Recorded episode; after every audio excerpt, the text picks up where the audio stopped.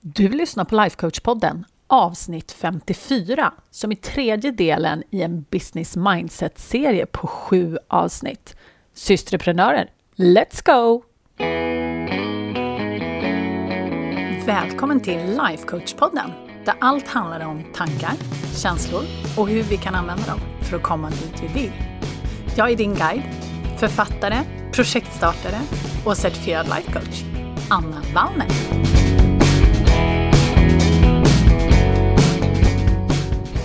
Men hej halloj! Idag är vi inne på tredje avsnittet i Business Mindset-serien om entreprenörskap och visioner. Och om du inte har varit med redan från början så har vi hittills pratat om den där rösten inombords, du vet. Den där som viskar och liksom försöker få vår uppmärksamhet. Den pratade vi om på första avsnittet.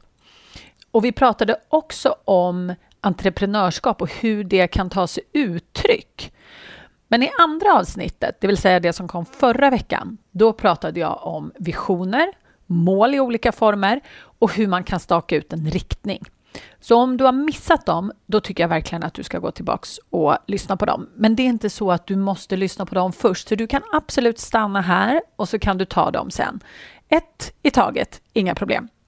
Så idag tänkte jag prata lite mer om steg nummer tre i den process som jag tar alla mina kvinnor igenom på den här resan mot deras visioner och mål. Och I kommande avsnitt så kommer jag att prata om fler komponenter i den här processen och självklart kommer jag prata om de andra stegen också. Det är totalt fem övergripande steg, ska jag avslöja om du är nyfiken. Men det är såklart en massa verktyg och massa delgrejer under varje steg kan man säga.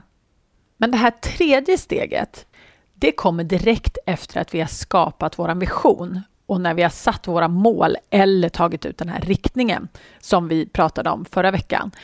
Och det kan låta så simpelt, det här som jag ska berätta nu, men ändå verkar det inte vara särskilt många som håller på att göra det här.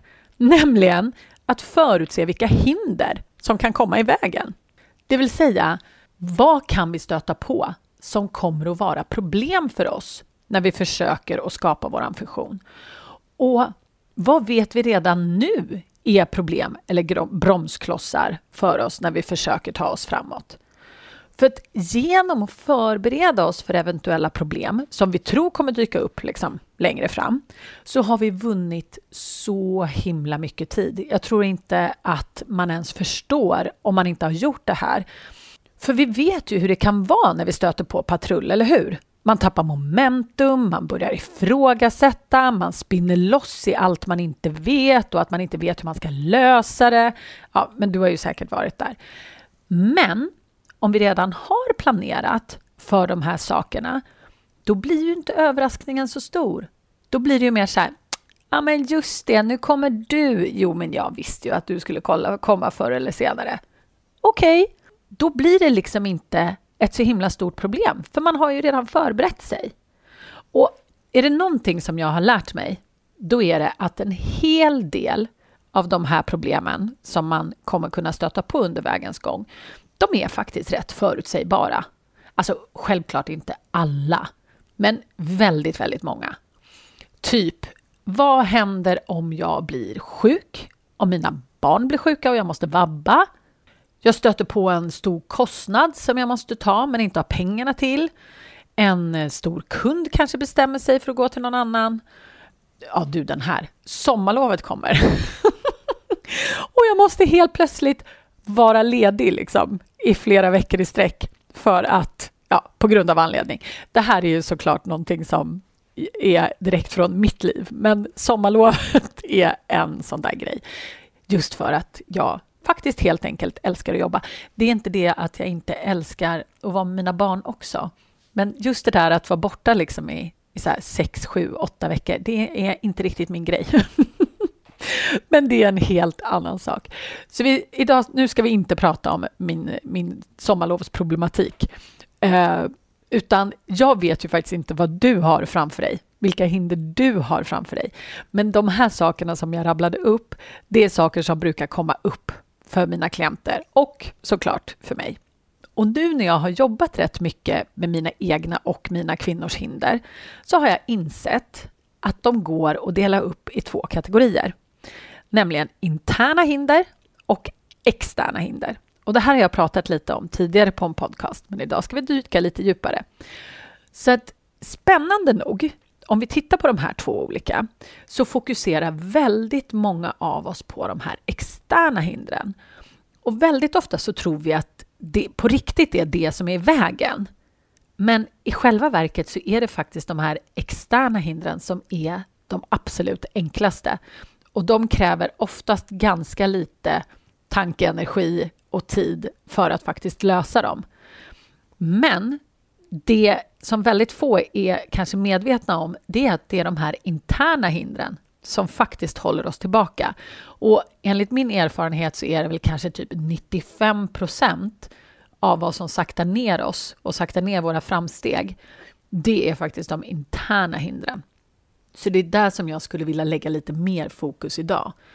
Men även om vi ska ha fokus på de interna hindren så låt oss gå igenom de externa hindren först så att alla är på det klara med vad de är och hur de kan se ut och hela den biten. Så externa hinder, det är helt enkelt mer sådana här konkreta saker som man kan ta på som kommer upp runt omkring oss. Och de flesta skulle jag säga faller inom typ tre kategorier och alla kretsar kring eh, någon slags brist. Det är antingen brist på tid, brist på pengar eller brist på kunskap. Så att det är liksom resursbrist på ett eller annat sätt, skulle man väl kunna säga. Det är klart att det finns andra externa problem också som inte faller in inom de här kategorierna. Men enligt min erfarenhet så är det tid, pengar och kunskap. Det är brist på liksom, de här olika typerna av resurser. Det är det som kommer upp absolut mest. Och det jag hör faktiskt allra, allra mest från mina kvinnor och kvinnor som jag möter, det är de första två. Det är brist på tid och det är brist på pengar. Och du vet ju helt säkert vilka externa hinder som du har just nu och vilka som du kanske kommer eh, stöta på längre fram. För att det här är ganska lätt att förutse ofta. Och har du inte koll på dina externa hinder så tror jag att du kommer få rätt bra koll på dem om du bara sätter dig ner och funderar lite och ser liksom lite in i framtiden. För här brukar det vara ganska enkelt som sagt att föreställa sig vad som kan dyka upp längs vägen.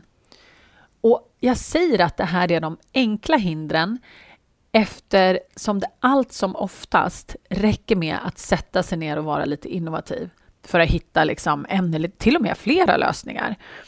Och vill man hitta en lösning så gör man det.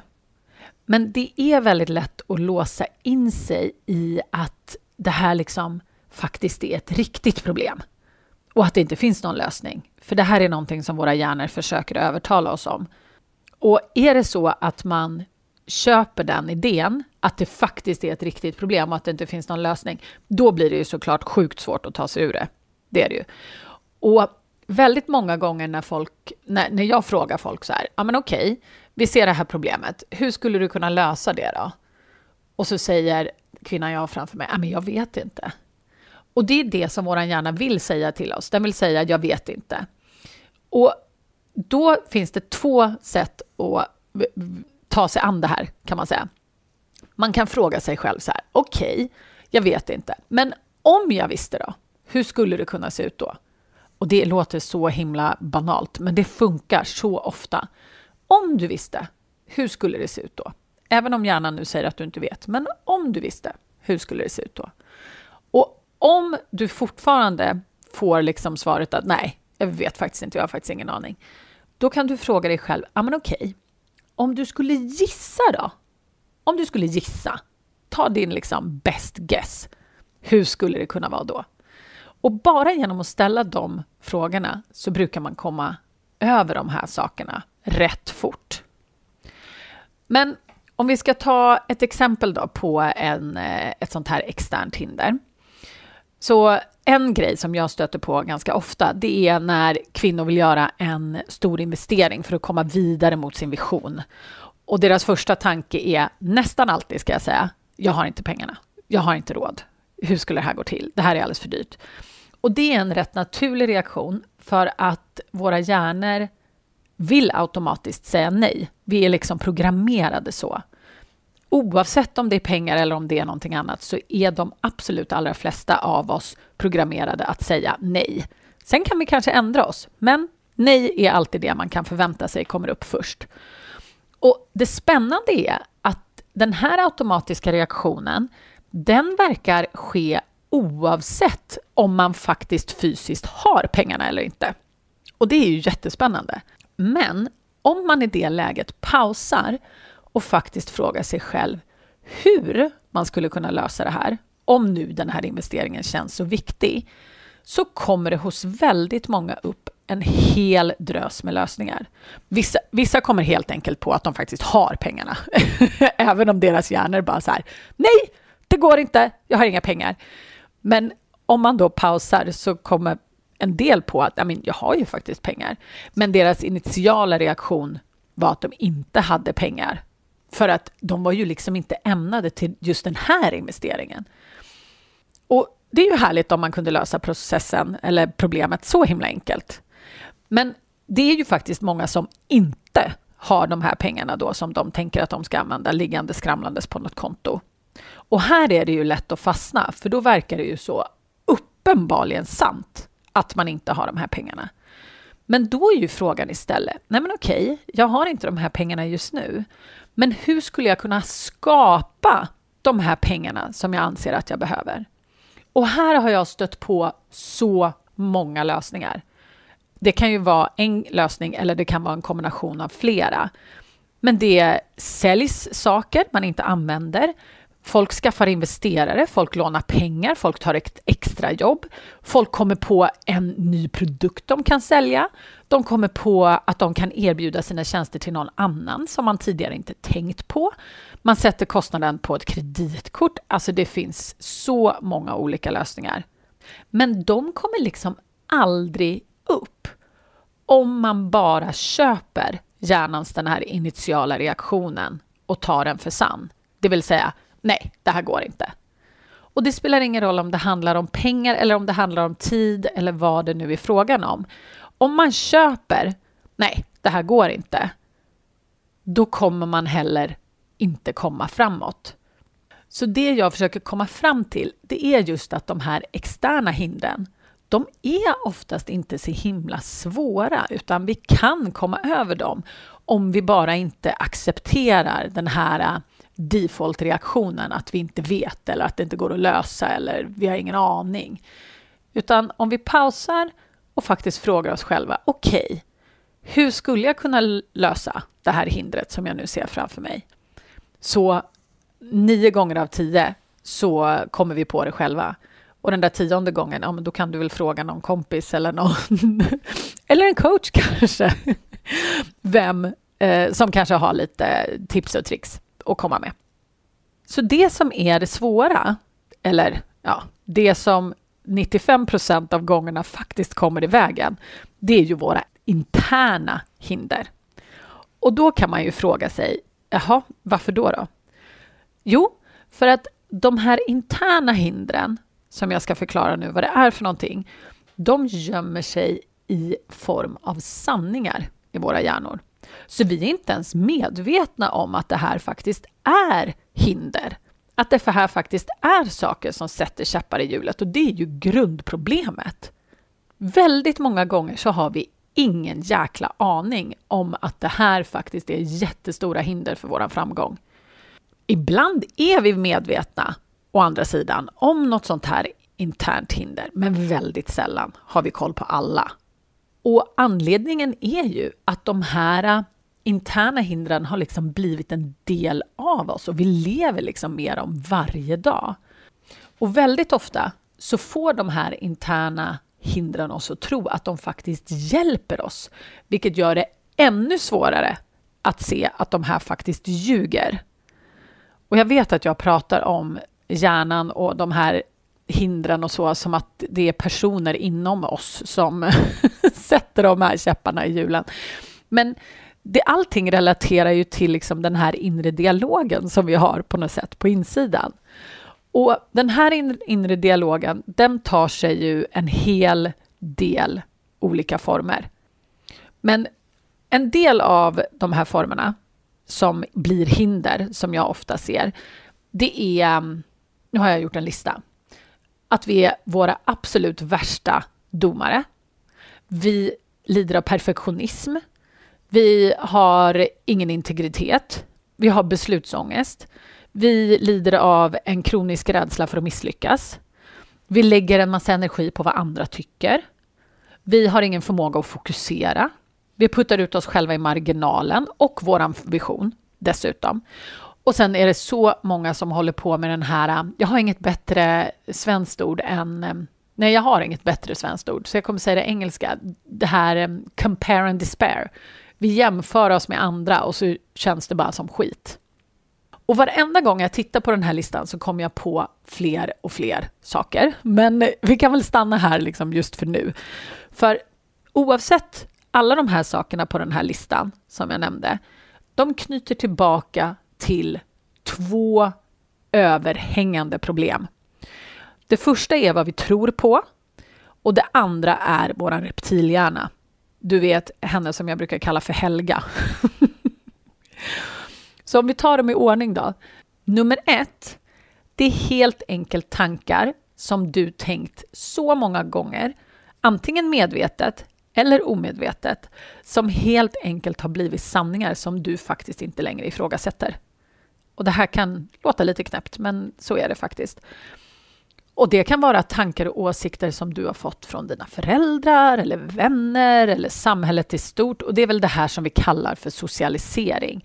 Och väldigt mycket av den här socialiseringen sker ju utan att vi faktiskt märker det. Och vissa av de här sanningarna som du har internt kommer att gagna dig. Så de vill vi behålla, de är jättebra. Men de som inte gagnar dig, de kommer att sakta ner dig jättemycket på vägen mot din vision. Och um, jag har några exempel på vad jag trodde för. Nu tar jag det här direkt från mig. Jag tänkte till exempel att eh, en anställning ger trygghet. Det var jag helt övertygad om att det var sant.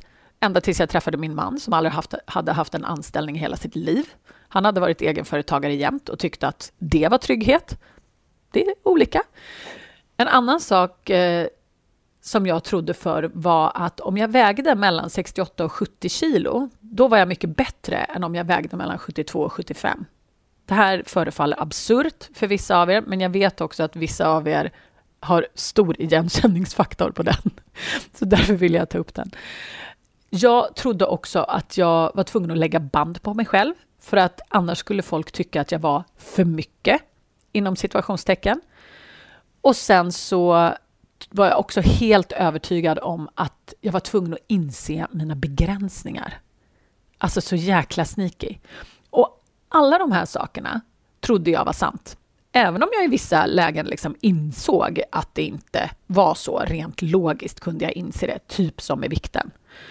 Men de här och jättemånga andra saker har jag helt enkelt en efter en insett är hinder på vägen mot det jag försöker skapa.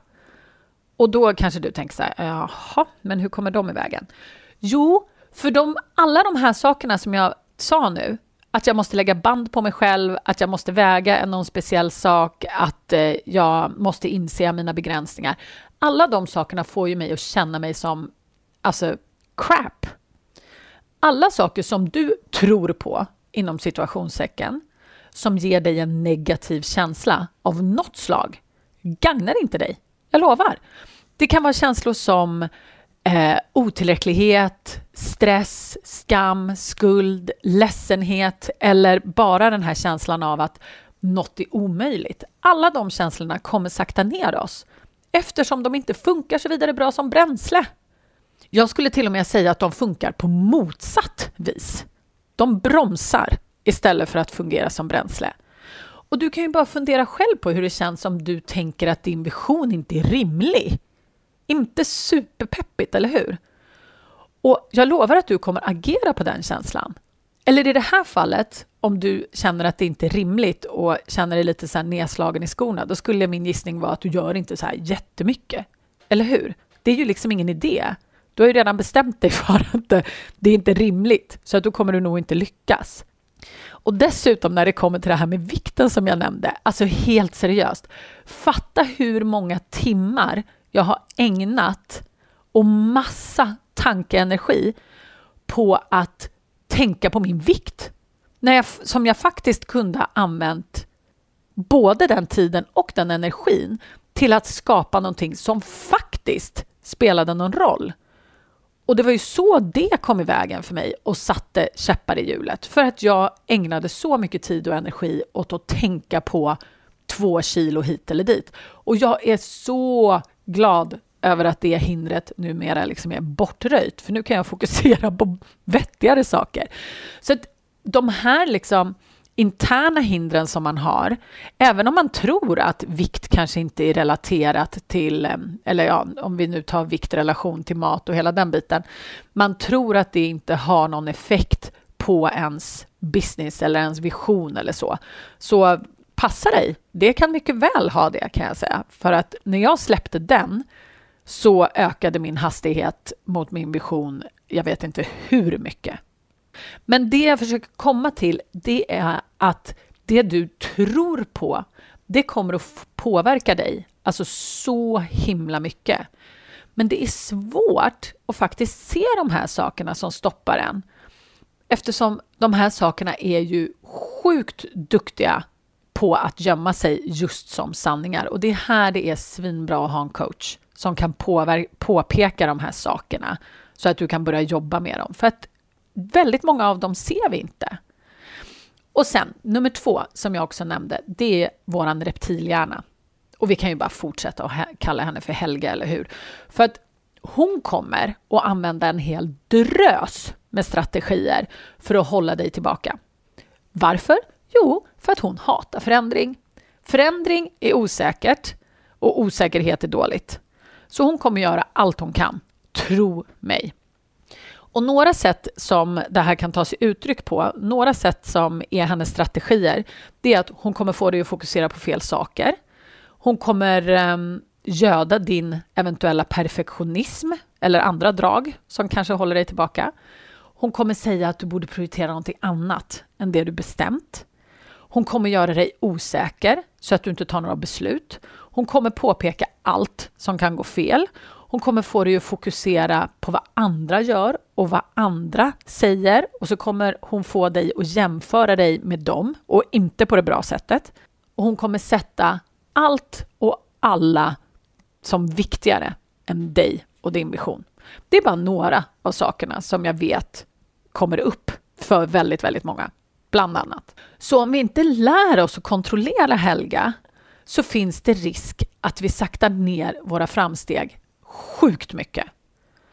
Men Helgas röst kan också kännas väldigt sann och hon försöker hela tiden övertala oss om att hennes argument är logiska och att hon liksom bara vill skydda oss och se till att vi inte utsätter oss för onödig fara. Liksom. Hon är så himla gullig och snäll. Men problemet är det att Helga har liksom inte riktigt koll på vad som faktiskt är farligt, om vi ska vara helt ärliga. Hon kommer liksom lite från en svunnen tid. Och visst, hon har definitivt sin plats när skiten verkligen händer. Då behöver vi henne. Men i våran vardag så hittar hon väldigt många problem där det faktiskt egentligen inte finns några. Så fundera lite på vad din Helga säger till dig. Vilka är hennes mest effektiva vapen för att hindra dig i din framgång när det kommer till att skapa det du vill? Vad är det hon använder som får dig att stanna och liksom stagnera? Och det här är så himla viktigt att veta. Jag vet att perfektionism är en jättestor grej hos väldigt många av mina kvinnor, vilket håller dem från att åstadkomma allt det här fantastiska som de skulle kunna göra. Men, men det behöver ju inte vara så för dig. Din Helga kanske använder något helt annat vapen. Det vet inte jag. Men oavsett så är det så bra att lära känna henne och lära känna hennes strategier. Så för att göra en liten recap då, för att vi är redan långt inne här på minuterna. Det som kommer i vägen för oss är delvis externa hinder som finns utanför oss, men de är ofta ganska lätta att avhjälpa om vi bara sätter oss ner, funderar en stund och liksom inte bara accepterar dem för vad de är. Att vi liksom inte bara accepterar att jaha, det här är ett problem, det går inte att lösa.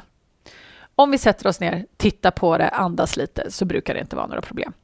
Men sen har vi ju de här interna hindren som är, så som jag ser det, de riktiga problemen som håller oss tillbaka långsiktigt. Och här skulle jag säga att vad vi tror på och vår primitiva hjärna, Helga, det är de två största orsakerna till de här interna problemen.